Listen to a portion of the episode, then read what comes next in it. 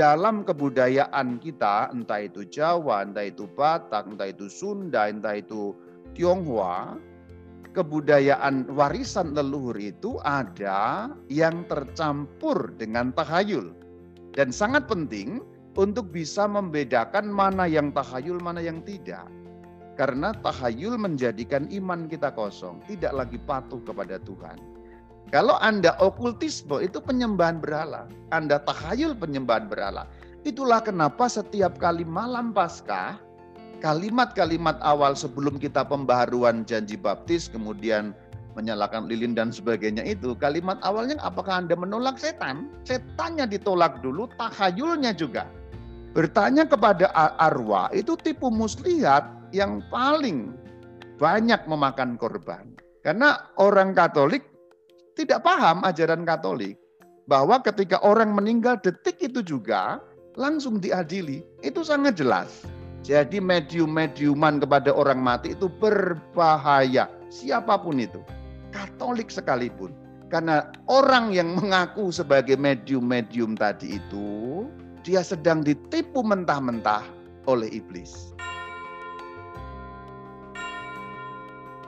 Saudara-saudari semuanya, Shalom Alaikum kita akan berbicara mengenai penyembuhan dari kuasa setan atau penyembuhan dari kuasa roh jahat.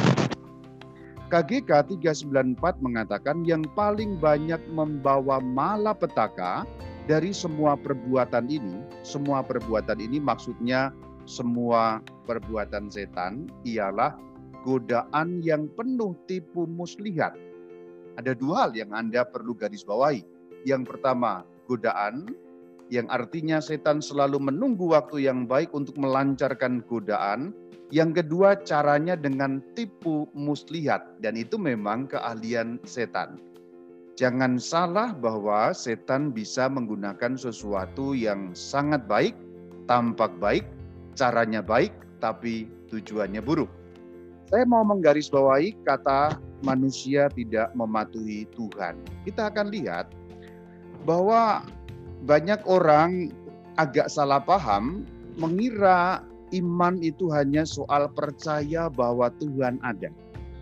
Kalau kita percaya Tuhan ada, itu dianggap sudah beriman dan itu sudah cukup. Padahal saudara-saudariku, beriman itu bukan hanya soal percaya bahwa Tuhan ada, melainkan soal patuh kepada Tuhan.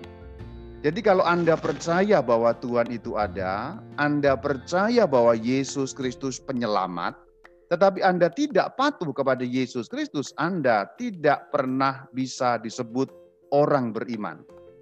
Kita bisa melihat dalam surat Yakubus pada pasal yang kedua ayat yang ke-19. Engkau percaya bahwa hanya ada satu Allah saja, itu baik. Tetapi setan-setan pun juga percaya akan hal itu dan mereka gemetar. Jadi kalau hanya sekedar percaya mengenai Allah ada, Yesus ada, Yesus penyelamat, setan-setan pun juga percaya. Anda tidak lebih dari setan kalau hanya di sana. Tapi kalau kita melihat pada ayat yang ke-20, hai manusia bebal, maukah engkau mengakui sekarang bahwa iman tanpa perbuatan adalah iman yang kosong? Di kalangan orang-orang yang sudah percaya kepada Yesus Kristus. Tahayul itu ada banyak sekali dan problem besarnya adalah tahayul sangat terkait juga dengan adat istiadat. Orang Jawa yang berasal dari kebudayaan Jawa, ada kebudayaan Jawa yang mengandung tahayul. Orang uh, Chinese yang berasal dari ya kebudayaan Tionghoa ada banyak kebudayaan Tionghoa yang mengandung takhayul. Demikian juga kebudayaan-kebudayaan yang lain. Apakah dengan itu Romo mengatakan bahwa setiap kebudayaan pasti takhayul? Oh tidak, tidak. Saya tidak sedang mengatakan bahwa setiap budaya atau warisan-warisan leluhur pasti tahayul. Tidak, saya tidak mengatakan itu. Tetapi di dalam kebudayaan kita, entah itu Jawa, entah itu Batak, entah itu Sunda, entah itu Tionghoa, kebudayaan warisan leluhur itu ada yang tercampur dengan tahayul. Dan sangat penting untuk bisa membedakan mana yang tahayul, mana yang tidak. Karena tahayul menjadikan iman kita kosong, tidak lagi patuh kepada Tuhan. Yang kedua, dalam kaitan dengan pembicaraan kita, orang menjadi sakit karena terserang kuasa jahat. Sakit di sini tidak selalu berarti sakit badan ya, tapi rohaninya sakit. Itu karena okultisme. Okultisme itu berarti dalam bahasa yang umum itu klinik ya, tanda petik perdukunan. Tidak selalu dukun ya, perjimatan, jimat-jimat dan lain sebagainya itu termasuk okultisme. Nah, dua hal inilah superstitions atau takhayul dan okultisme. Okultisme itu yang sangat kuat akan membuat orang sakit, akan membuat orang sakit rohani dalam arti itu sehingga dikuasai oleh kuasa jahat. Maka sebenarnya dalam konteks Indonesia, saya melihat dua hal ini yang sangat membahayakan dan cukup banyak dipraktekkan, diyakini, bahkan menjadi pola hidup sehari-hari di kalangan masyarakat kita dan punten maaf di beberapa orang Katolik yang mengaku sudah beriman kepada Yesus Kristus Tuhan kita kebertubuhan kita itu membuat kita mudah digoda. Kembali ke awal tadi, KGK 394, godaan yang penuh tipu muslihat. Kenapa? Karena manusia bertubuh. Tubuh membuat kita lemah terhadap godaan, tubuh membuat kita rentan terhadap godaan. Kalau kita melihat Matius 26 ayat 41 sangat jelas. Alkitab clear mengenai itu berjaga-jagalah dan berdoalah supaya kamu jangan jatuh ke dalam pencobaan. Roh memang penurut tetapi daging lemah. Yang dimaksud daging di sini adalah kedagingan, kebertubuhan, kejasmanian kita. Jadi sebenarnya Alkitab sudah memberi kita peringatan roh itu penurut tapi jasmani kita lemah. Kalau orang mau berdoa kemudian lelah, yang lelah itu apanya sih? Roh tidak bisa lelah. Yang lelah adalah badannya. Kalau orang ngantuk, yang ngantuk badannya. Kalau orang malas, yang malas itu badannya. Mungkin karena kekenyangan makan atau apa pun ya. Situasi bertubuh kita itu, kejasmanian kita, itu membuat kita dipengaruhi faktor luar. Nah, faktor luar ini juga bisa menyangkut hal yang tidak kelihatan Tadi yang kelihatan kan contohnya ya panasnya api, dinginnya udara. Tapi karena kita sekaligus manusia yang punya roh, kita ini kan jasmani dan rohani, maka faktor luar yang dimaksud tidak hanya soal jasmani, tapi juga soal rohani. Maka faktor luar itu adalah roh baik dan roh jahat. Roh baik di sini dalam arti malaikat dan tentu roh Tuhan sendiri, roh kudus sendiri, dan roh jahat yaitu roh setan iblis dan bala tentaranya. Itu faktor luar. Dan diperkuat dengan adanya empat pintu setan. Saya sudah membahas tentang ini, saya tidak akan memperdalam lebih lanjut mengenai empat pintu setan. Ini saya akan sebutkan saja. Yang pertama pintu masuk itu dosa. Kalau Anda dosa, Anda melakukan dosa terutama dosa mortal, bukan venial, terutama dosa mortal, Anda sangat mudah dicengkeram, dikuasai oleh setan. Yang kedua okultisme yang sudah tadi saya sebut. Yang ketiga luka batin, yang keempat kutukan.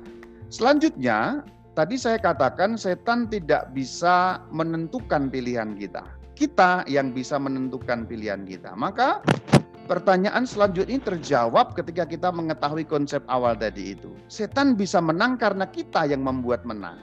Setan itu tidak pernah menang, tidak bisa menguasai kita karena kita milik Tuhan. Hanya kalau kita memenangkan setan atas Allah, bahasa gampangnya kita memilih supaya setan menang atau kita mempersilahkan setan masuk, itu yang akan terjadi. Dan pintu masuknya empat tadi itu. Jadi mana pun ini yang terbuka, sesungguhnya kita sedang mempersilahkan setan untuk masuk. Contoh yang yang paling ekstrim itu kerasukan. Kerasukan itu sudah paling ekstrim karena setan sudah masuk dalam tubuh. Orang itu tidak kerasukan tiba-tiba. Tidak ada orang bisa kerasukan kalau pintunya tidak terbuka.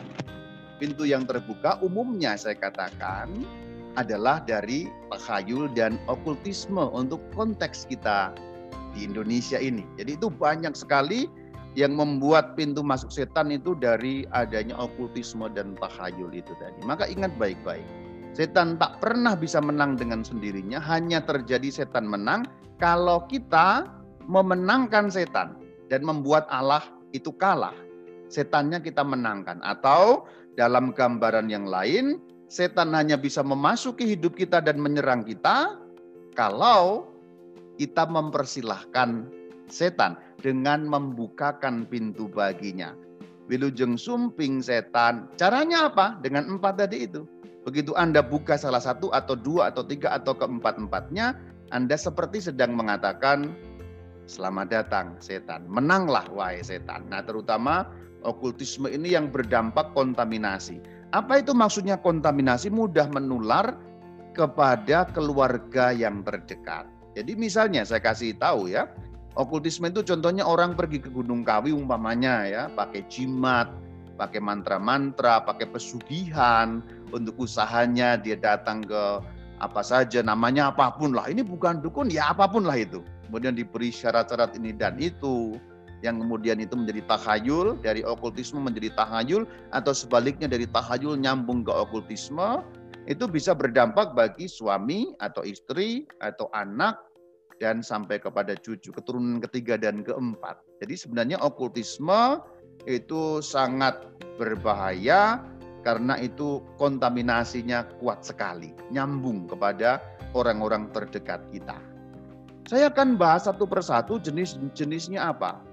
Maksudnya adalah yang membuat setan bisa masuk dalam hidup kita. Yang pertama itu dosa. Ayat Alkitab sangat jelas mengatakan dalam surat pertama Yohanes pada bab yang ketiga ayat yang ke-8. Barang siapa yang tetap berbuat dosa berasal dari iblis. Jadi Anda ingat baik-baik semoga menjadi rema bagi kita hari ini. Barang siapa tetap berbuat dosa berasal dari iblis. Artinya kembali ke depan tadi itu. Beriman bukan hanya soal percaya Tuhan ada, tapi patuh kepada Tuhan. Berbuat dosa berarti tidak patuh kepada Tuhan. Nah itu saudara-saudari. Maka perbuatan dosa, terutama dosa mortal, dosa mortal itu dosa yang mematikan, contohnya apa? Ya sepuluh perintah Allah, yang paling utama penyembahan berhala. Ketika Anda menyembah berhala, dan di zaman modern ini penyembahan berhala belum berhenti. Jangan mengira bahwa penyembahan berhala itu hanya ada di Alkitab, dalam kitab keluaran, menyembah lembu emas dan seterusnya pada zaman kuno, oh, tidak kalau Anda okultisme itu penyembahan berhala. Anda tahayul penyembahan berhala. Itulah kenapa setiap kali malam Paskah kalimat-kalimat awal sebelum kita pembaharuan janji baptis kemudian menyalakan lilin dan sebagainya itu kalimat awalnya apakah Anda menolak setan? Setannya ditolak dulu, tahayulnya juga termasuk. Ulangan 18 ayat 10 mengatakan, jangan didapati seorang pun yang mempersembahkan anaknya laki-laki atau anaknya perempuan sebagai korban dalam api. Zaman sekarang sudah nggak ada ah Romo kayak gini, ada. Itu yang namanya tumbal. Mungkin tidak sama persis bentuknya. Ulangan mengatakan korban dalam api karena memang pada zaman kuno disembelih dilempar dalam api sebagai korban bakaran itu pada zaman kuno. Tapi sekarang Mungkin orang tidak langsung membunuh anaknya, tetapi itu dipersembahkan sebagai hubungan dengan kuasa jahat dengan yang namanya perjanjian darah. Nah, perjanjian darah berarti melibatkan darah, entah darahnya sendiri, entah darah anaknya, entah darah istri atau suaminya, keluarga yang terdekatnya yang berada dalam wilayah tanda petik kekuasaannya. Jadi mempersembahkan keluarga atau anak laki-laki, perempuan atau istri atau suami sampai sekarang masih ada. Itu yang namanya tumbal. Kalau orang pengen kekayaan, nanti ada yang ditumbalkan sebagai syarat. Bisa nyawanya sendiri, bisa nyawa anaknya, dan lain sebagainya. Masih eksiskah Romo sampai zaman modern ini? Masih saudara-saudari. Kalaupun Anda yang mendengarkan tidak pernah melakukan, puji Tuhan. Tapi kalau Anda pernah melakukan, segeralah bertobat karena ini dosa melawan perintah yang pertama yang berarti apa pun yang Anda lakukan kemudian tidak lagi dalam iman. Tadi itu karena iman soal kepatuhan. Kemudian atau seorang yang menjadi petenung, peramal. Nah, ramal-ramal ini ini nggak boleh ya. Penelaah, penerawangan ya.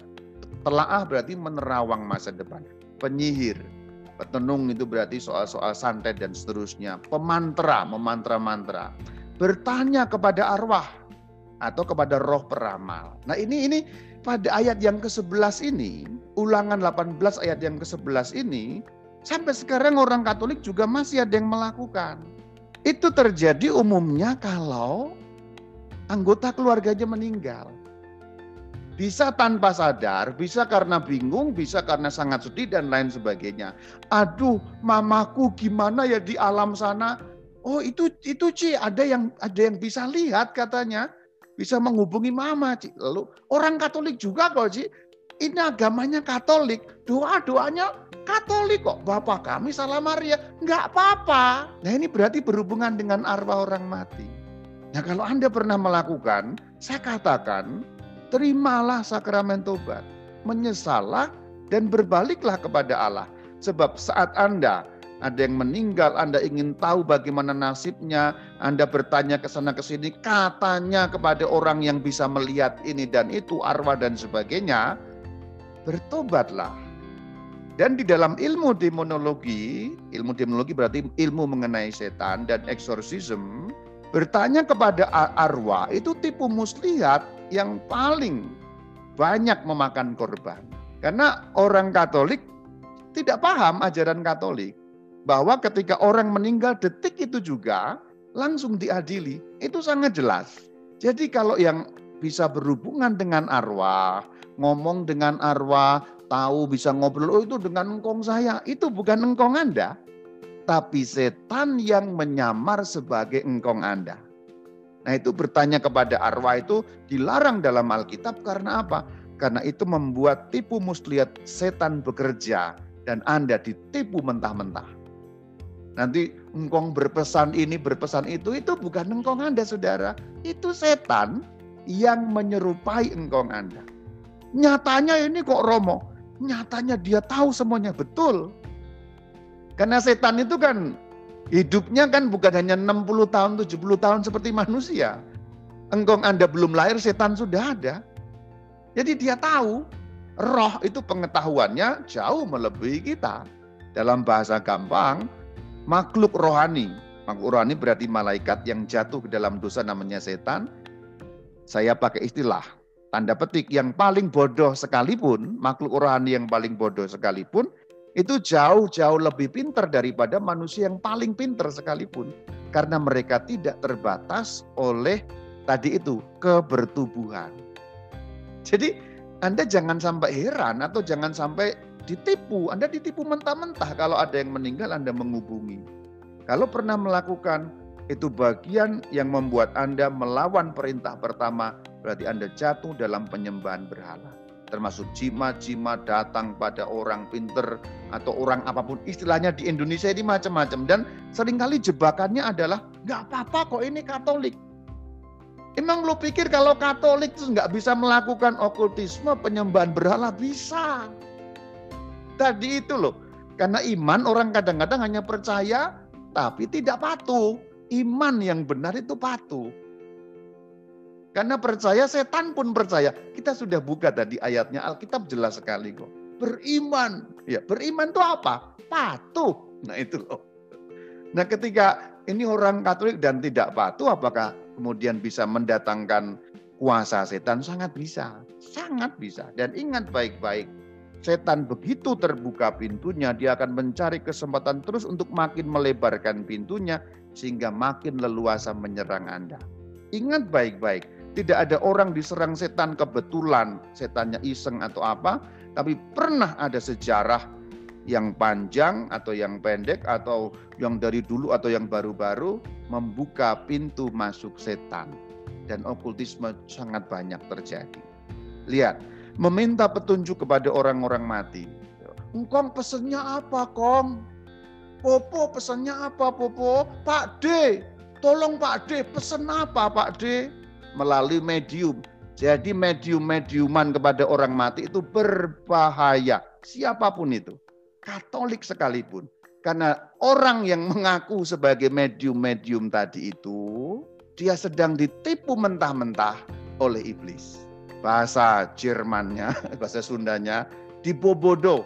Jadi menjadi bodoh orangnya nggak ngerti apa-apa seperti kebo dicucuk hidung dan Anda percaya kepada kebo-kebo seperti itu. Medium-medium seperti itu yang bertanya kepada arwah, meminta petunjuk kepada orang-orang mati. Kok mimpi ya? Waduh mimpi ini artinya apa? Tolong tanyakan pada Pak D yang sudah meninggal itu. Lalu medium mulai apa? Lalu dia, oh ini Pak D pesan begini. Eh, Anda pesan begini, tante yang sudah meninggal pesan begini. Nah itu namanya medium dan itu kekejian di depan hadirat Allah. Kita jelas sekali Alkitab clear sekali. Alkitab itu jelas mengenai itu semua. Dan sayangnya ayat-ayat ini diabaikan oleh kita cukup banyak ya. Semoga yang ada yang mendengar tidak ada. Tapi sekali lagi kalau Anda ada yang mendengar, bergegaslah, berbalik pada Tuhan. Jangan sampai Anda jatuh ke dalam penyembahan berhala. Ayat 12 mengatakan hal-hal tadi itu kekejian bagi Tuhan. Kenapa disebut kekejian bagi Tuhan? Karena masuk dalam kategori penyembahan berhala. Luka batin soal pengampunan tidak saya bahas langsung karena saya akan fokus pada okultisme dan tahayul tadi itu. Kemudian kutuk itu juga sudah bahas juga di dalam video-video saya di channel Katkit. Selanjutnya yang dapat menjadi rema bagi kita juga adalah surat Efesus pada bab yang keempat ayat ke-27. Janganlah beri kesempatan kepada iblis. Jadi maksudnya apa? Jangan beri kesempatan kepada iblis. Jangan sampai salah satu dari empat pintu tadi, atau dua, atau tiga, atau malah semuanya Anda buka. Karena begitu Anda buka salah satunya, nanti akan makin kacau. Jadi jangan pernah beri kesempatan kepada iblis. Dan dalam budaya kita, iblis masuk melalui takhayul dan okultisme itu yang sangat gampang di Indonesia ini sangat gampang karena tadi itu orang hanya melakukan adatnya. Ini kan sudah diterima dari dulu dari simbah-simbah tanpa melihat ini tahayul atau bukan. Nah, setan begitu mengerikan karena penipuannya banyak sekali. Tadi yang sudah di bagian depan KGK 394 tipu muslihatnya. Setan itu pinter sekali dan dia banyak menang akhir-akhir ini. Meskipun ini sudah zaman modern tapi rupanya orang masih mudah ditipu dengan hal-hal yang sifatnya ya mistis apa segala macam itu, tahayul dan macam-macam itu. Ternyata di zaman modern hidupnya pakai gadget tetapi ternyata pemahamannya dan pola hidupnya masih primitif. Masih seperti sebelum Masehi. Ternyata seperti yang dikisahkan atau di, diperintahkan dalam kitab Ulangan tadi. Itu 3500 tahun, 3000 200 tahun sebelum Masehi. Jadi orang ternyata bisa pegang gadget luar biasa, tapi cara hidupnya primitif gitu. Orang sekolahnya tinggi-tinggi ilmu ekonomi, ilmu bisnis, tapi untuk mulai menjalankan bisnisnya dia datang minta jimat. Ada Romo, ada, ada. Itu di mana Romo? Saya tidak sebutkan bahwa itu orang Bandung. Katolik Romo, Katolik. Saya tidak sebut bahwa itu orang Bandung ya. Eh, malah disebut ya. Ada, ada. Ini sekolah tinggi-tinggi sampai S-nya berderet-deret S2, S3, sekolah bisnis, tapi untuk memulai bisnis dia butuh jimat, dia butuh pesugihan, dia butuh hal yang yang takhayul gitu. Itu. Nah kalau setan begitu mengerikan tipu muslihatnya bagaimana cara kita menang saudara? Kita akan bahas sekarang cara kita menang.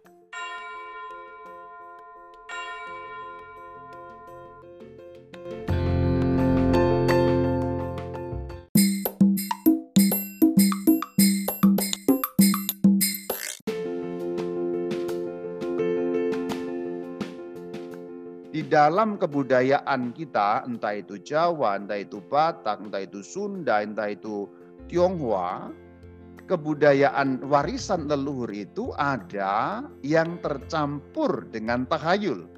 Dan sangat penting untuk bisa membedakan mana yang tahayul, mana yang tidak. Karena tahayul menjadikan iman kita kosong, tidak lagi patuh kepada Tuhan. Kalau Anda okultisme itu penyembahan berhala. Anda tahayul penyembahan berhala. Itulah kenapa setiap kali malam Paskah, kalimat-kalimat awal sebelum kita pembaharuan janji baptis, kemudian menyalakan lilin dan sebagainya itu, kalimat awalnya apakah Anda menolak setan? Setannya ditolak dulu, tahayulnya juga. Bertanya kepada arwah itu tipu muslihat yang paling banyak memakan korban. Karena orang Katolik tidak paham ajaran Katolik bahwa ketika orang meninggal detik itu juga langsung diadili. Itu sangat jelas. Jadi medium-mediuman kepada orang mati itu berbahaya. Siapa pun itu. Katolik sekalipun. Karena orang yang mengaku sebagai medium-medium tadi itu, dia sedang ditipu mentah-mentah oleh iblis. Saudara-saudari semuanya, Shalom Alaikum. Kita akan berbicara mengenai penyembuhan dari kuasa setan atau penyembuhan dari kuasa roh jahat.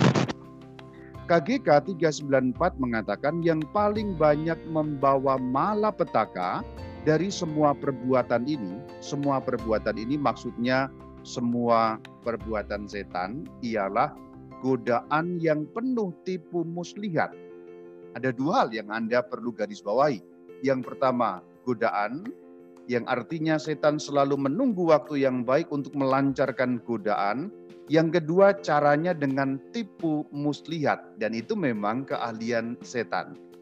Jangan salah bahwa setan bisa menggunakan sesuatu yang sangat baik, tampak baik, caranya baik, tapi tujuannya buruk. Saya mau menggarisbawahi kata manusia tidak mematuhi Tuhan. Kita akan lihat bahwa banyak orang agak salah paham mengira iman itu hanya soal percaya bahwa Tuhan ada. Kalau kita percaya Tuhan ada, itu dianggap sudah beriman dan itu sudah cukup. Padahal saudara-saudariku, beriman itu bukan hanya soal percaya bahwa Tuhan ada, melainkan soal patuh kepada Tuhan.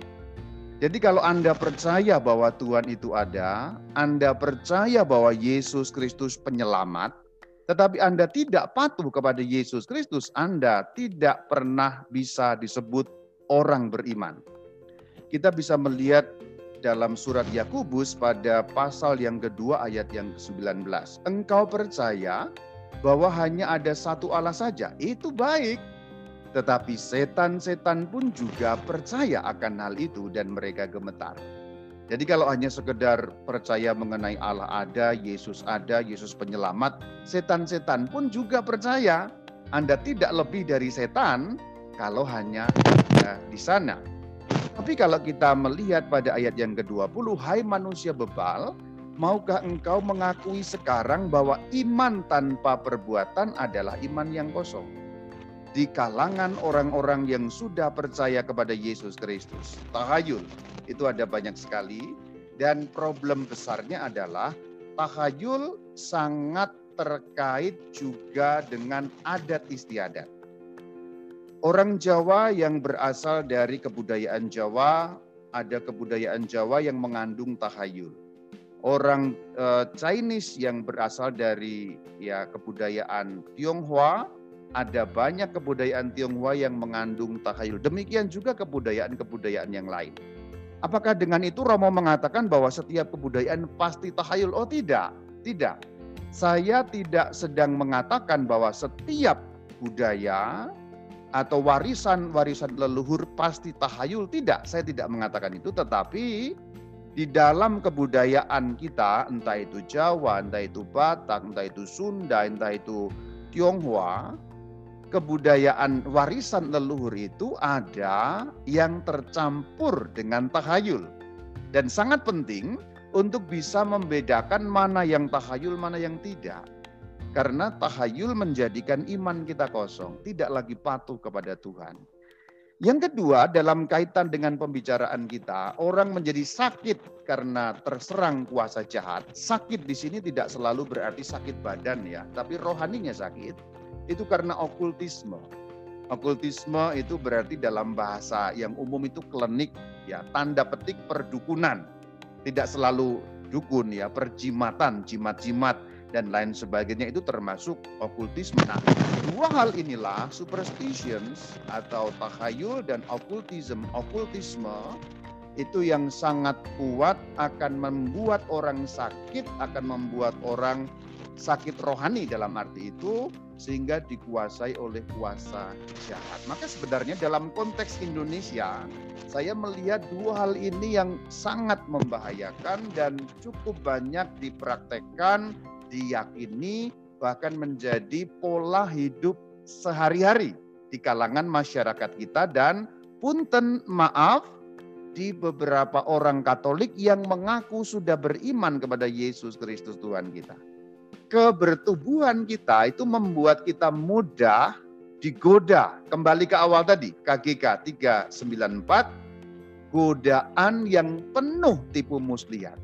Kenapa? Karena manusia bertubuh.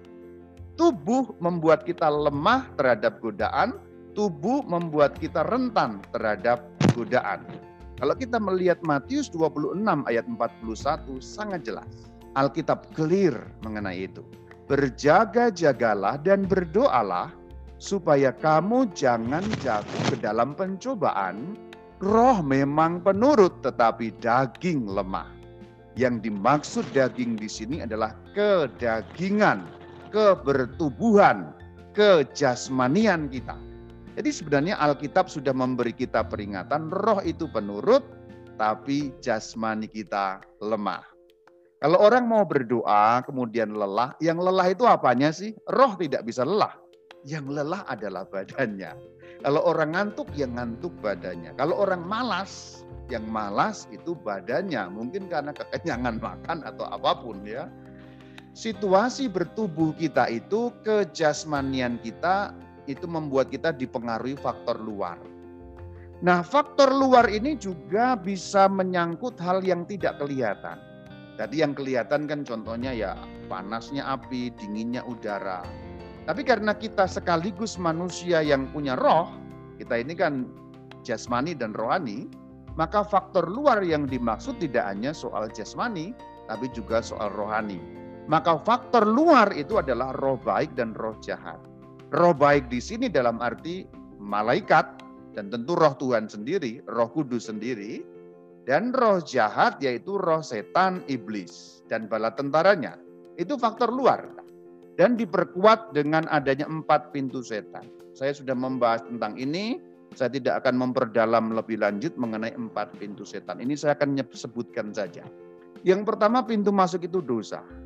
Kalau Anda dosa, Anda melakukan dosa terutama dosa mortal, bukan venial, terutama dosa mortal, Anda sangat mudah dicengkeram, dikuasai oleh setan.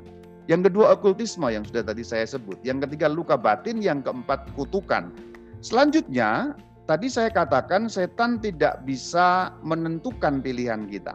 Kita yang bisa menentukan pilihan kita. Maka pertanyaan selanjutnya terjawab ketika kita mengetahui konsep awal tadi itu. Setan bisa menang karena kita yang membuat menang. Setan itu tidak pernah menang, tidak bisa menguasai kita karena kita milik Tuhan. Hanya kalau kita memenangkan setan atas Allah, bahasa gampangnya kita memilih supaya setan menang atau kita mempersilahkan setan masuk, itu yang akan terjadi. Dan pintu masuknya empat tadi itu. Jadi mana pun ini yang terbuka, sesungguhnya kita sedang mempersilahkan setan untuk masuk. Contoh yang yang paling ekstrim itu kerasukan. Kerasukan itu sudah paling ekstrim karena setan sudah masuk dalam tubuh. Orang itu tidak kerasukan tiba-tiba. Tidak ada orang bisa kerasukan kalau pintunya tidak terbuka. Pintu yang terbuka umumnya saya katakan adalah dari takhayul dan okultisme untuk konteks kita di Indonesia ini. Jadi itu banyak sekali yang membuat pintu masuk setan itu dari adanya okultisme dan takhayul itu tadi. Maka ingat baik-baik Setan tak pernah bisa menang dengan sendirinya, hanya terjadi setan menang kalau kita memenangkan setan dan membuat Allah itu kalah. Setannya kita menangkan atau dalam gambaran yang lain, setan hanya bisa memasuki hidup kita dan menyerang kita kalau kita mempersilahkan setan dengan membukakan pintu baginya. Wilujeng sumping setan. Caranya apa? Dengan empat tadi itu Begitu Anda buka salah satu atau dua atau tiga atau keempat-empatnya, Anda seperti sedang mengatakan, selamat datang setan, menanglah wahai setan. Nah terutama okultisme ini yang berdampak kontaminasi. Apa itu maksudnya kontaminasi? Mudah menular kepada keluarga yang terdekat. Jadi misalnya saya kasih tahu ya, okultisme itu contohnya orang pergi ke Gunung Kawi umpamanya ya, pakai jimat, pakai mantra-mantra, pakai pesugihan untuk usahanya dia datang ke apa saja namanya apa pun lah. Ini bukan dukun ya apa pun lah itu. Kemudian diberi syarat-syarat ini dan itu yang kemudian itu menjadi tahayul, dari okultisme menjadi tahayul, atau sebaliknya dari tahayul nyambung ke okultisme, itu bisa berdampak bagi suami atau istri atau anak dan sampai kepada cucu, keturunan ketiga dan keempat. Jadi sebenarnya okultisme itu sangat berbahaya karena itu kontaminasinya kuat sekali, nyambung kepada orang-orang terdekat kita. Saya akan bahas satu persatu jenis-jenisnya apa. Maksudnya adalah yang membuat setan bisa masuk dalam hidup kita. Yang pertama itu dosa. Ayat Alkitab sangat jelas mengatakan dalam surat pertama Yohanes pada bab yang ketiga ayat yang ke-8. Barang siapa yang tetap berbuat dosa berasal dari iblis. Jadi Anda ingat baik-baik semoga menjadi rema bagi kita hari ini. Barang siapa tetap berbuat dosa berasal dari iblis. Artinya kembali ke depan tadi itu. Beriman bukan hanya soal percaya Tuhan ada, tapi patuh kepada Tuhan. Berbuat dosa berarti tidak patuh kepada Tuhan. Nah itu saudara-saudari. Maka perbuatan dosa, terutama dosa mortal. Dosa mortal itu dosa yang mematikan. Contohnya apa? Ya 10 perintah Allah. Yang paling utama penyembahan berhala. Ketika Anda menyembah berhala, dan di zaman modern ini penyembahan berhala belum berhenti. Jangan mengira bahwa penyembahan berhala itu hanya ada di Alkitab, dalam kitab keluaran, menyembah lembu emas dan seterusnya pada zaman kuno, oh, tidak. Kalau Anda okultisme itu penyembahan berhala, Anda tahayul penyembahan berhala. Itulah kenapa setiap kali malam Paskah, kalimat-kalimat awal sebelum kita pembaharuan janji baptis, kemudian menyalakan lilin dan sebagainya itu kalimat awalnya apakah Anda menolak setan? Setannya ditolak dulu, tahayulnya juga termasuk. Ulangan 18 ayat 10 mengatakan, jangan didapati seorang pun yang mempersembahkan anaknya, laki-laki atau anaknya perempuan sebagai korban dalam api. Zaman sekarang sudah nggak ada ah Romo kayak gini, ada. Itu yang namanya tumbal. Mungkin tidak sama persis bentuknya, ulangan mengatakan korban dalam api karena memang pada zaman kuno disembelih dilempar dalam api sebagai korban bakaran. Itu pada zaman kuno. Tapi sekarang mungkin orang tidak langsung membunuh anaknya tetapi itu dipersembahkan sebagai hubungan dengan kuasa jahat dengan yang namanya perjanjian darah. Nah, perjanjian darah berarti melibatkan darah, entah darahnya sendiri, entah darah anaknya, entah darah istri atau suaminya, keluarga yang terdekatnya yang berada dalam wilayah tanda petik kekuasaannya. Jadi mempersembahkan keluarga atau anak laki-laki, perempuan atau istri atau suami sampai sekarang masih ada. Itu yang namanya tumbal. Kalau orang pengen kekayaan, nanti ada yang ditumbalkan sebagai syarat. Bisa nyawanya sendiri, bisa nyawa anaknya, dan lain sebagainya. Masih eksiskah Romo sampai zaman modern ini? Masih saudara-saudari. Kalaupun Anda yang mendengarkan tidak pernah melakukan, puji Tuhan. Tapi kalau Anda pernah melakukan, segeralah bertobat karena ini dosa melawan perintah yang pertama yang berarti apa pun yang Anda lakukan kemudian tidak lagi dalam iman. Tadi itu karena iman soal kepatuhan. Kemudian atau seorang yang menjadi petenung, peramal. Nah, ramal-ramal ini ini nggak boleh ya. Penelaah, penerawangan ya Telaah berarti menerawang masa depan. Penyihir, petenung itu berarti soal-soal santet dan seterusnya. Pemantra, memantra-mantra. Bertanya kepada arwah atau kepada roh peramal. Nah ini ini pada ayat yang ke-11 ini, ulangan 18 ayat yang ke-11 ini, sampai sekarang orang Katolik juga masih ada yang melakukan. Itu terjadi umumnya kalau anggota keluarganya meninggal. Bisa tanpa sadar, bisa karena bingung, bisa karena sangat sedih dan lain sebagainya. Aduh, mamaku gimana ya di alam sana? Oh, itu itu Ci, ada yang ada yang bisa lihat katanya.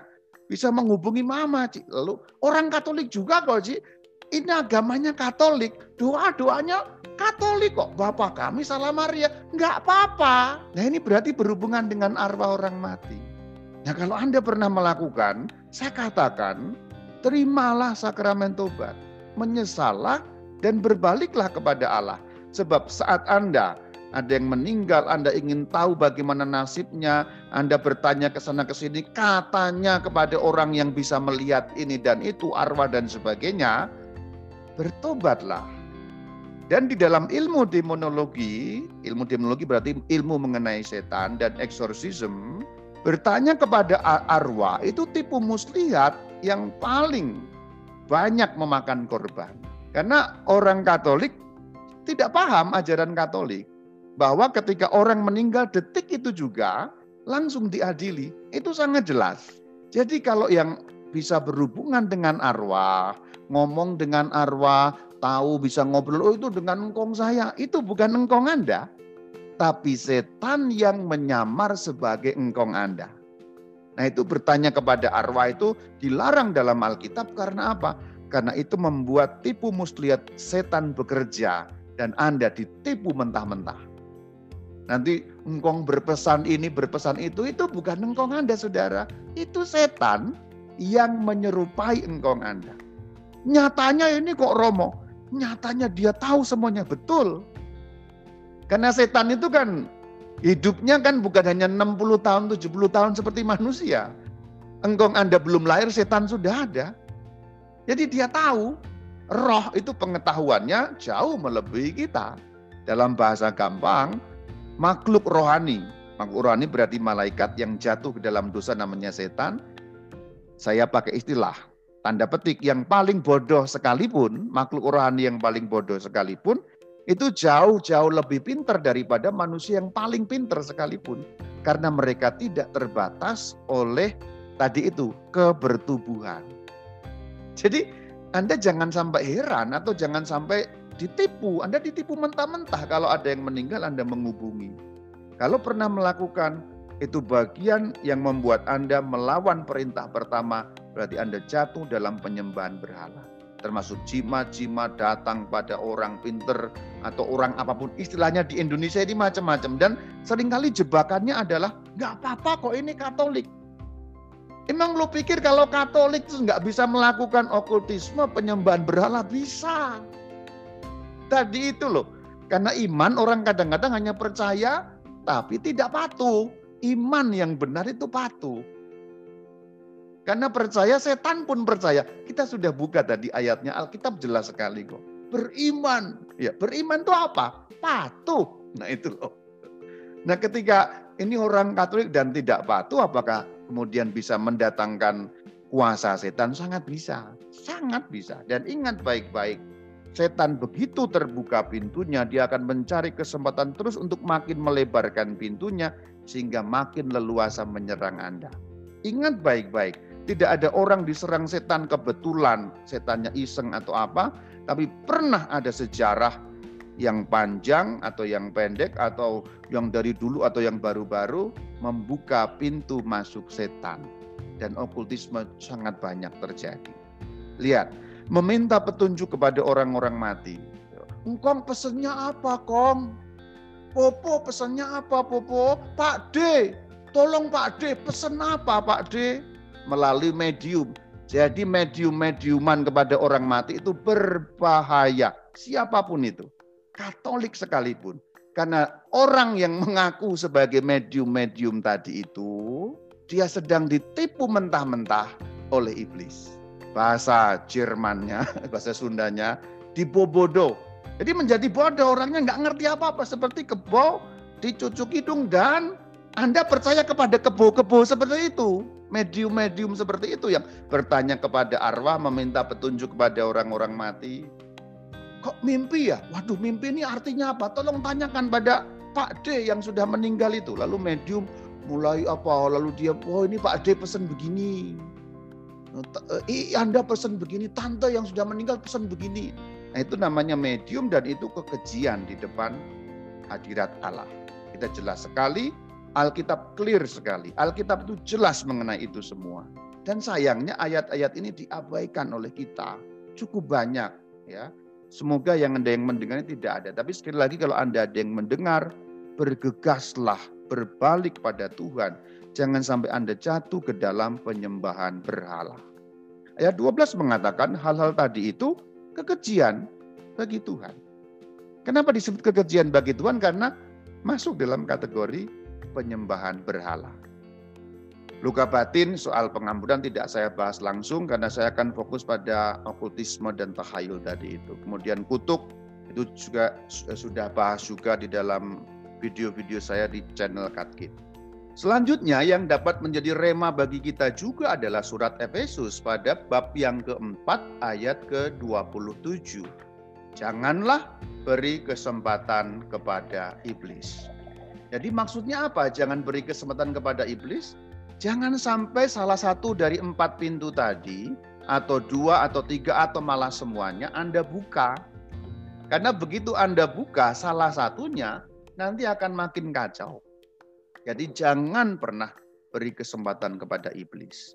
Dan dalam budaya kita iblis masuk melalui takhayul dan okultisme itu yang sangat gampang di Indonesia ini.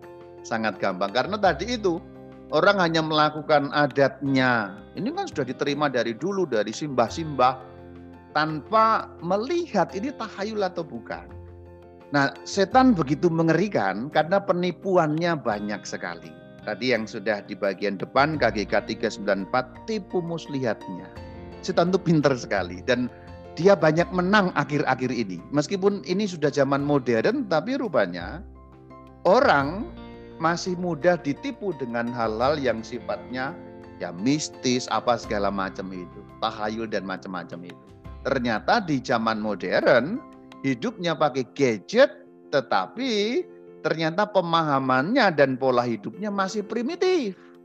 Masih seperti sebelum Masehi. Ternyata seperti yang dikisahkan atau di, diperintahkan dalam kitab ulangan tadi. Itu 3500 tahun, 3200 tahun sebelum Masehi. Jadi orang ternyata bisa pegang gadget luar biasa, tapi cara hidupnya primitif itu. Orang sekolahnya tinggi-tinggi ilmu ekonomi, ilmu bisnis, tapi untuk mulai menjalankan bisnisnya dia datang minta jimat. Ada Romo, ada. Ada. Itu di mana Romo? Saya tidak sebutkan bahwa itu orang Bandung. Katolik Romo, Katolik. Saya tidak sebut bahwa itu orang Bandung ya. Eh, malah disebut ya. Ada, ada. Di sekolah tinggi-tinggi sampai S-nya berderet-deret S2, S3, sekolah bisnis, tapi untuk memulai bisnis dia butuh jimat, dia butuh pesugihan, dia butuh hal yang yang takhayul gitu. Itu. Nah kalau setan begitu mengerikan tipu muslihatnya bagaimana cara kita menang saudara? Kita akan bahas sekarang cara kita menang.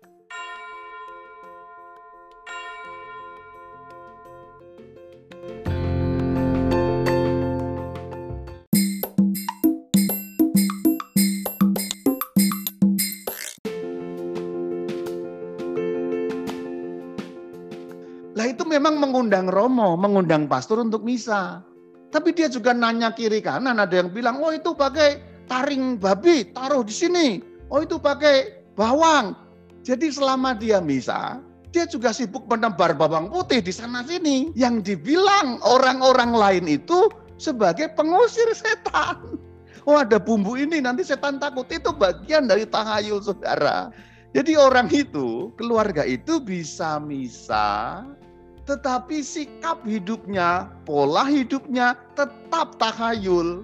Itu kan dari pihak Kristus Tuhan, sudah kalah iblisnya. Tapi dari pihak kita, kita diminta tunduk kepadanya. Yang kedua lawan iblis, baru iblisnya akan lari. Jadi di sini ada tiga tingkat atau tiga langkah, tiga tahap. Karena semua orang yang dibaptis dalam nama Allah Tritunggal menjadi pengikut Yesus mampu mengusir setan. Kalau kita sembuh dari kuasa jahat, tujuannya itu pertobatan. Pertobatan. Bukan setannya pergi loh. Setannya pergi itu hanya efek. Kalau Anda bertobat, setan pasti pergi. Karena apa tadi itu? Jelas sekali. Tunduk pada Allah. Ha? Ha? Lawan iblis, iblisnya lari. Jadi sebenarnya pengusiran setan, apa itu deliverance prayer, apa itu exorcism dalam gereja katolik, tujuannya itu pertobatan orang Bagaimana setan bisa pergi? Kalau keluarga itu mempersilahkan setan itu masuk di rumah. Lu kok gitu Romo? Iya, Dengan Anda takayul, dengan Anda okultisme, berarti Anda mengatakan silahkan setan masuki rumah saya, masuki keluarga saya, dan silakan membuat kerusakan yang kamu inginkan di dalam rumah ini. Itu yang Anda lakukan. Nah kalau setan begitu mengerikan tipu muslihatnya bagaimana cara kita menang saudara? Kita akan bahas sekarang cara kita menang. Pertama kita harus yakin Yesus Kristus mengalahkan kuasa iblis. Masalahnya kita sering tidak patuh. Nah itu yang menjadi masalah.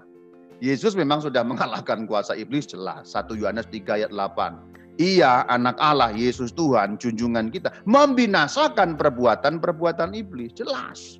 Ibrani 2 ayat 14. Ia memusnahkan iblis yang berkuasa atasmu. Dan ada banyak ayat yang lain mengenai seperti ini. Ini hanya dua contoh saja untuk mengatakan Sang Kristus telah mengalahkan kuasa iblis. Masalah adalah kita muridnya sering tidak patuh. Itu seperti bahasa gampangnya kalau orang mau sembuh dikasih obat ini. Nah kita tidak patuh minum obat itu atau minum resep itu sehingga tidak sembuh. Kira-kira begitu. Bahasa gambaran sekali lagi. Resepnya Tuhan tidak kita ikuti. Kuncinya tidak kita ikuti. Kuncinya itu apa sih? Yakobus 4 ayat 7. Tunduklah kepada Allah, lawanlah iblis, maka ia akan lari. Perhatikan janji Tuhan jelas sekali. Dan Alkitab jelas sekali. Kita hubungkan ayat-ayat tadi. Yesus Kristus anak Allah membinasakan perbuatan iblis. Memusnahkan iblis.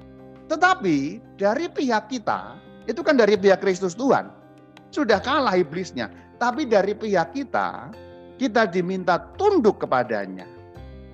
Yang kedua lawan iblis, baru iblisnya akan lari. Jadi di sini ada tiga tingkat atau tiga langkah, tiga tahap. Pertama tunduk kepada Allah.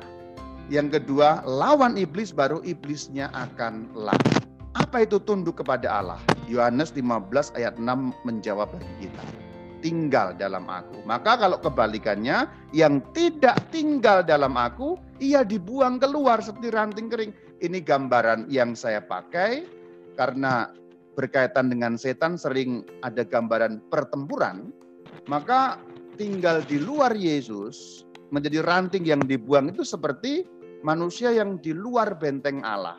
Berarti tidak tunduk pada Allah. Ini semuanya konsep-konsep yang harus diturunkan dalam hal yang lebih praktis. Sekarang saya sampaikan resepnya untuk Anda. Ini tidak konseptual dan tidak teologis, tapi ini akan lebih sangat praktis. Resepnya sangat simpel, hanya tiga. Tutup pintu masuk setan yang empat tadi itu. Kalau sudah terlanjur terbuka, tutup lagi dengan sakramen tobat. Jadi maksudnya yang pertama itu tutup pintu setan, usahakan tidak melakukan itu atau berusaha sekuat tenaga, jangan sampai okultisme. Jangan sampai berdosa yang mortal. Apakah manusia nggak bisa berdosa? Mau bisa. Tapi yang venial-venial sajalah, dosa-dosa kecil. Jangan berdosa mortal, karena dosa mortal pintu setan. Atau okultisme datang ke sana sini orang pinter apa pun itu namanya kalau terlanjur atau sudah kebablasan bagaimana Romo? Nomor dua, tutup kembali pintu setan itu, pintu masuk itu dengan cara sakramen tobat. Sakramen tobat membuat pintu masuknya tertutup sehingga setan tidak punya akses. Yang ketiga, perlu mendaraskan deliverance prayer, doa pelepasan. Dalam kasus berat, kadang-kadang tidak mencukupi, membutuhkan eksorsisme. Tapi pada umumnya kalau orang sungguh-sungguh menjalankan ini, deliverance prayer pun mencukupi. Yang menjadi problem adalah di sini orang kadang-kadang tidak menutup pintu masuknya. Yang lebih praktis sekarang, pertanyaannya, kalau sudah dilakukan yang tiga ini Romo, apakah pasti berhasil? Jawabannya pasti. Jadi ini pasti, ini resep yang pasti berhasil. Saya katakan pasti berhasil. Tapi memang permasalahannya ada di pertama. Di bagian pertama itu orang bermasalah. Untuk orang terima sakramen tobat itu kan orang tahu caranya. Mendaraskan doa pelepasan bisa. Tapi persoalannya adalah di langkah pertama gagal. Padahal resep ini sifatnya tahapan. Maksudnya apa tahapan? Ya seperti undak-undakan. Satu dua tiga itu urut. Anda tidak bisa langsung nomor dua karena harus lewat nomor satu. Kalau nomor satu tidak dilakukan Anda tidak bisa lewat untuk mencapai nomor dua. Kalau Anda tidak bisa menutup pintu setan, Anda tidak bisa terima sakramen tobat. Karena sakramen tobat, orang harus bertobat. Orang tidak melakukan perdukunan, baru orang bertobat. Kalau Anda menerima sakramen pertobatan, Anda pengakuan dosa, tetapi Anda tetap masih pasang jimat, Anda belum bertobat. Anda hanya simulasi bertobat. Ini tahapan. Maka kalau nomor satu tidak bisa Anda lakukan, nomor dua tidak bisa. Jadi ini persoalannya di sini. Persoalannya banyak orang adalah terutama okultisme dan tahayul tadi itu. Sehingga tidak bisa melangkah ke nomor dua dan nomor tiga karena nomor satu tidak bisa dilakukan. Maka resep ini seakan-akan menjadi gagal karena orang tidak mau melepaskan okultisme dan tahayul tadi itu. Maka ini menjadi tidak seperti tidak punya daya. Nah gitu. Saya sekarang beri contoh kasus. Contoh kasus tadi ini yang yang berkaitan dengan tiga langkah tadi. Langkahnya itu sangat simpel, sangat simpel. Cuma orang terganjal di nomor satu itu loh. Masalah itu banyak di situ. Di sini saya juga mau ceritakan dulu bahwa konsep kita gereja Katolik mengusir setan itu bukan seperti bayangan Anda seperti di film-film.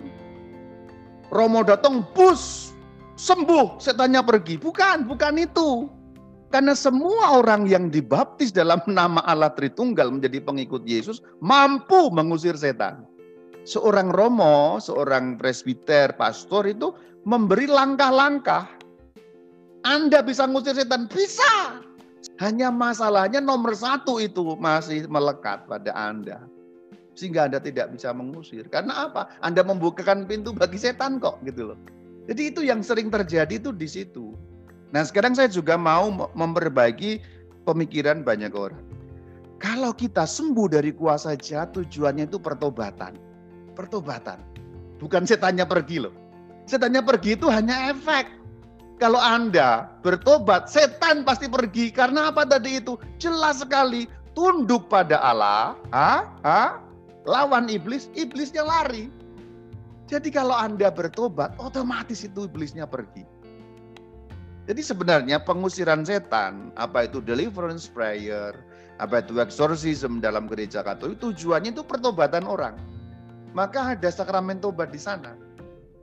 Dan sakramen tobat itu jangan dipahami secara mekanis. Mekanis maksudnya, asal saya masuk ke ruang pengakuan, saya mengucapkan, saya pasti diampuni dosanya. Itu pasti, tetapi kalau ada sesal.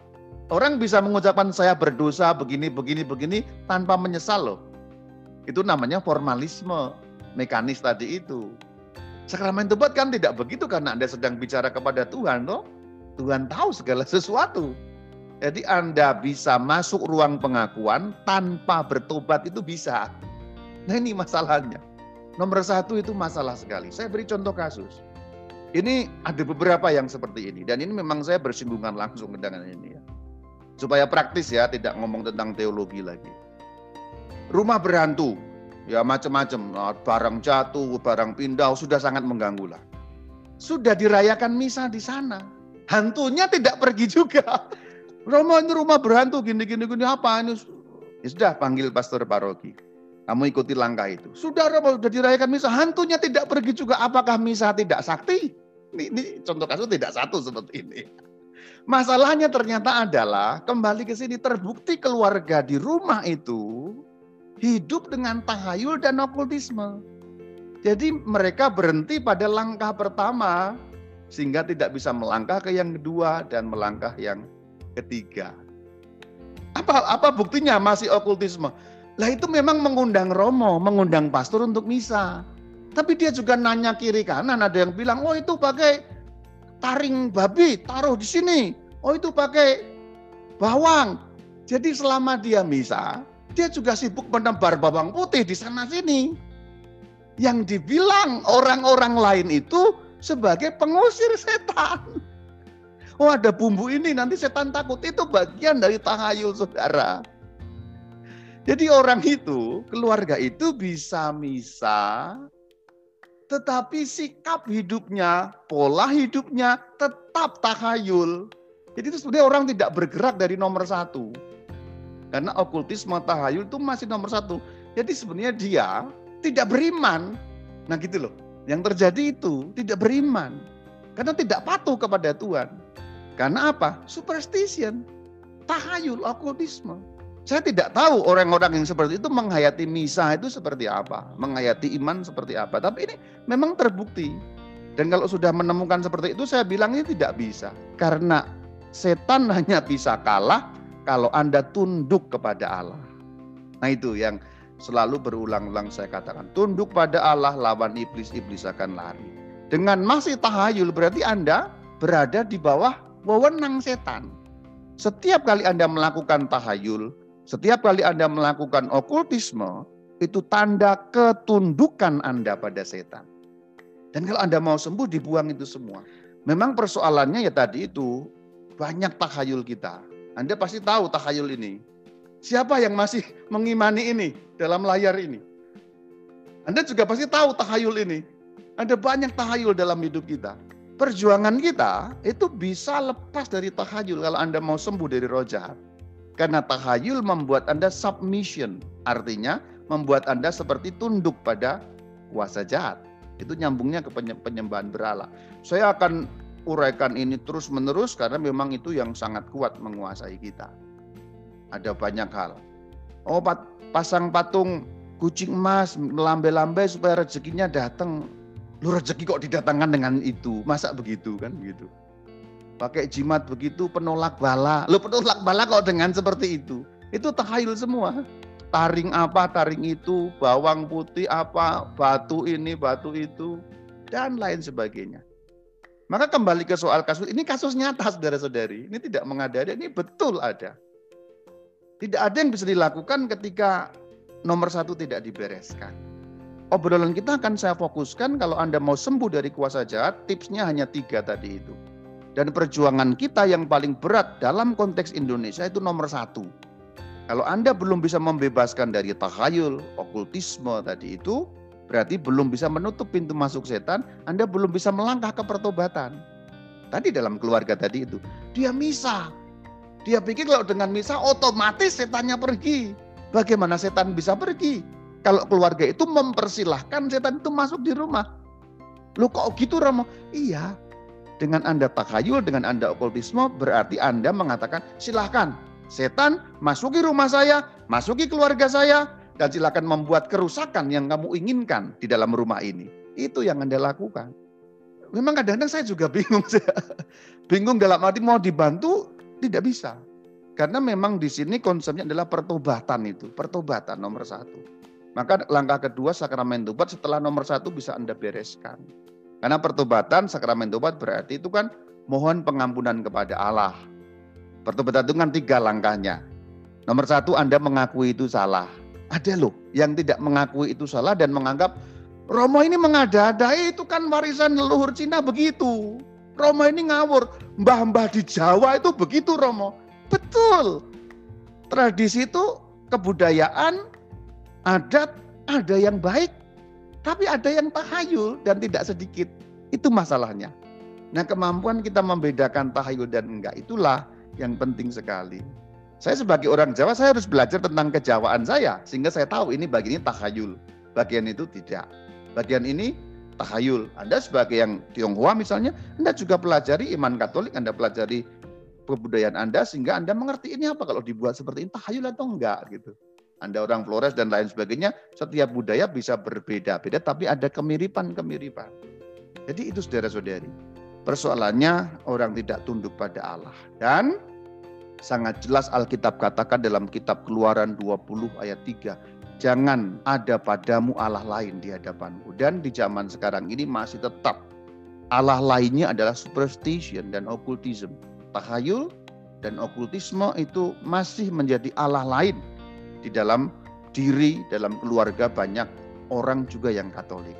Dan saya bersyukur sesungguhnya di dalam keadaan yang seperti ini PDPKK, ini sekarang saya memuji. Yang lalu saya pernah seminar saya kritik PDPKK. saya saya di telepon banyak orang, oh Romo mau kritik PDPKK. Ya namanya kritik ya bagus kan untuk perkembangan. Sekarang saya puji. Dulu saya pernah saya kritik, sekarang saya puji. Pujinya apa?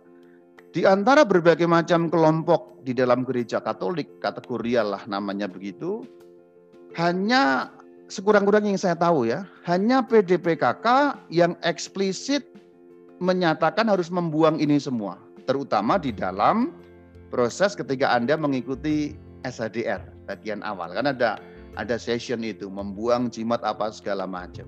Nah itu kalau diikuti sesungguhnya itu langkah nomor satu tadi itu menutup pintu setan. Dan saya bersyukur PDPKK itu selalu seperti itu. Dalam setiap kali SHDR, kadang pakai tong, jimat-jimat dikumpulkan, dibakar. Apakah kan gimana-gimana? Enggak apa-apa kalau kita bertobat ya. Tapi masalahnya memang apakah itu sungguh-sungguh pertobatan atau hanya pro forma? Kan yang tahu Anda sendiri dan juga Allah yang tahu tentu Allah mengetahui. Nah ini Allah lain zaman sekarang ini masih masih seperti ini. Ya. Maka saya mengakhiri. Terima kasih. Shalom alaikum.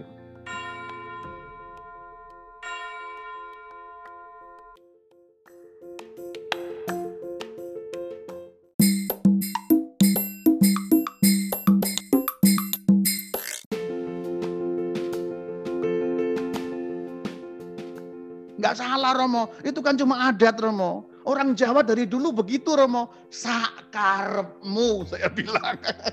saya sudah ngasih tahu gitu. Sakarepmu. Angel wis angel kata orang Jawa bilang. angel, angel. Ya memang kadang-kadang angel gitu. Itu dari dulu tuh begitu Romo-Romo ini jangan ngarang-ngarang. Saya bilang berdasarkan iman Katolik saudara. Nah gitu. Ini pura-puranya kerasukan ya. Saya lagi acting, jangan jangan takut saya nggak kerasukan ya. Rama Bayu, kamu mau usir saya. saya tahu kemarin kamu lirik-lirik Ibu Lucy kan.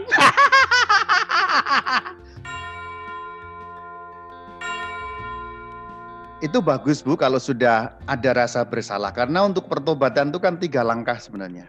Orang itu bisa bertobat kalau sudah tiga langkah. Nomor satu, orang merasa salah. Itu dulu. Kita tidak mungkin bisa bertobat kalau tidak merasa salah. Hanya orang yang merasa salah itu bisa bertobat. Jadi kalau Anda tadi mengatakan saya setelah mendengarkan session ini lalu merasa yang dulu itu salah, itu bagus. Anda sudah dapat satu poin. Nomor dua berarti mohon ampun. Mohon ampun. Itu langkah pertobatan itu merasa salah. Nomor dua mohon ampun. Nomor tiga tidak mengulangi, berjanji tidak mengulangi. Kalau itu sudah terjadi, maka kemudian Anda nanti mencari bantuan seorang romo untuk dapat menerima sakramen tobat. Untuk sampai ke nomor satu ini tidak selalu gampang kalau terkait dengan takhayul dan okultisme tadi. Nyambung ke pertanyaan Pak Egenius tadi. Ada banyak orang Katolik yang meyakini Reiki itu tidak apa-apa. Jangankan yang ngasih tahu Anda, yang ngasih tahu saya, ini saya Romo, tidak percaya dan dia merasa tidak salah, nggak apa-apa. Romo ini ngarang gitu. Oh ya sudah, saya sudah menyampaikan kebenarannya tentu saja. Jadi kalau nomor satu itu belum kena, Ibu Rafi bersyukurlah bahwa itu nomor satu Anda bisa mendapatkan itu rahmat, rahmat juga, rahmat Tuhan. Kita bisa menyadari dan membedakan yang salah dan yang benar, yang sesuai dengan firman Tuhan yang tidak itu rahmat juga. Sehingga kita tahu kalau itu sesuai, puji Tuhan. Kalau nggak sesuai kita merasa salah. Nah itu berkat sebenarnya rahmat yang harus kita syukuri Tuhan. Saya bersyukur bahwa ini saya merasa ini keliru. Hingga saya bisa melangkah ke nomor dua, mohon ampun. Merasa salah, mohon ampun, tidak mengulangi. Itu langkah pertobatan. Jadi nanti saran saya, Ibu terima sakramen tobat. Kalau sudah ada nomor satu itu bagus. Yang repot, kalau tidak ada yang nomor satu tadi. Nggak salah Romo, itu kan cuma adat Romo. Orang Jawa dari dulu begitu Romo. Sakarepmu saya bilang. saya sudah ngasih tahu gitu. Sakarepmu. Angel wis angel kata orang Jawa bilang. angel, angel. Ya memang kadang-kadang angel gitu. Itu dari dulu tuh begitu Romo-Romo ini jangan ngarang-ngarang. Saya bilang berdasarkan iman Katolik saudara. Nah gitu. Nah itu untuk sampai nomor satu ini tidak gampang, tidak gampang. Karena tadi itu dari dulu orang Jawa begini loh Romo. Dan nggak apa-apa gitu. Dari dulu orang orang Tionghoa itu begini. Emang lu siapa gitu. Nah ini. Jadi kemampuan kita membedakan itu sebenarnya penting sekali. Ini takhayul ini enggak. Takhayul itu kalau kita menggantungkan sesuatu yang tidak ada nyambung dengan akal sehatnya dan menggantungkan pada sesuatu yang bersifat otomatis. Nah itu takhayul. Kalau Anda pasang patung itu patung apa namanya kucing di, di depan toko yang melambai-lambai emas nanti rezeki datang. Ini kan satu tidak nyambung dengan akal sehat, dua otomatisme. Nah ini tahayul. Jadi ciri tahayul itu gampang sebenarnya. Kalau Anda menggantungkan pada sesuatu yang tidak nyambung dengan akal sehat dan otomatisme. Kalau ini dilakukan akan terjadi begini. Nah itu namanya otomatisme. Sedangkan doa kita saja kan nggak otomatisme kalau kita berdoa dalam iman kan. Bisa kemungkinan dikabulkan dan juga bisa tidak. Kan doanya kan begitu. Kalau dikabulkan syukur kepada Tuhan, kalau tidak terjadilah padaku menurut perkataanmu kan gitu sebenarnya sikap iman. Jadi tidak otomatis akan dikabulkan. Memang betul Tuhan mengatakan minta diberi ketuk dibukakan pintu tetapi sesuai dengan apa yang Tuhan kehendaki kan begitu. Itu doa pun tidak otomatis.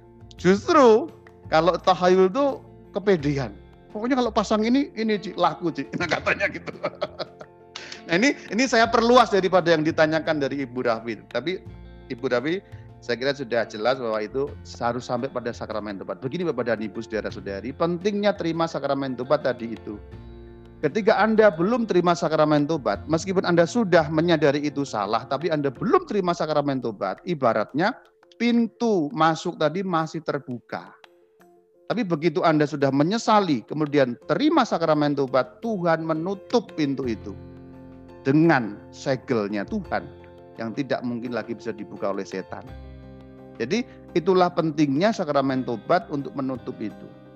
Saya beri catatan apa namanya pengalaman beberapa eksorsis. Dalam eksorsisme pengusiran setan, kadang-kadang setan membuka dosa-dosa si imam supaya imamnya malu. Misalnya ada orang kerasukan lalu imamnya mendoakan kalau imamnya belum melakukan pengakuan dosa berbahaya karena apa? Nanti dosa-dosa si imam bisa dibuka oleh setan sehingga dia malu. Tapi kalau si imam sudah melakukan pengakuan dosa, tidak ada masalah. Setan tidak lagi bisa mengakses dosa-dosa itu karena ditutup sudah selesai. Nol bahasa gampangnya kita. Kalau kalau romonya belum pengakuan dosa nanti ini setannya Ini pura-puranya kerasukan ya. Saya lagi acting, jangan jangan takut saya nggak kerasukan ya. Rama Bayu, kamu mau usir saya. saya tahu kemarin kamu lirik-lirik Ibu Lucy kan. Romo Bayu malu. Dosanya yang itu ketahuan sama setan. Tapi ketika Romo Bayu menyesali itu salah dan mengaku dosa, setan tidak bisa akses, ditutup. Ini bahasa perlambangan semoga memudahkan kita untuk memikirkan mengenai ini. Jadi pentingnya pengakuan dosa karena pintu setan ditutup. Jadi kalau Anda melakukan dosa okultisme, melanggar perintah pertama, selalu harus diselesaikan dengan sakramen tobat.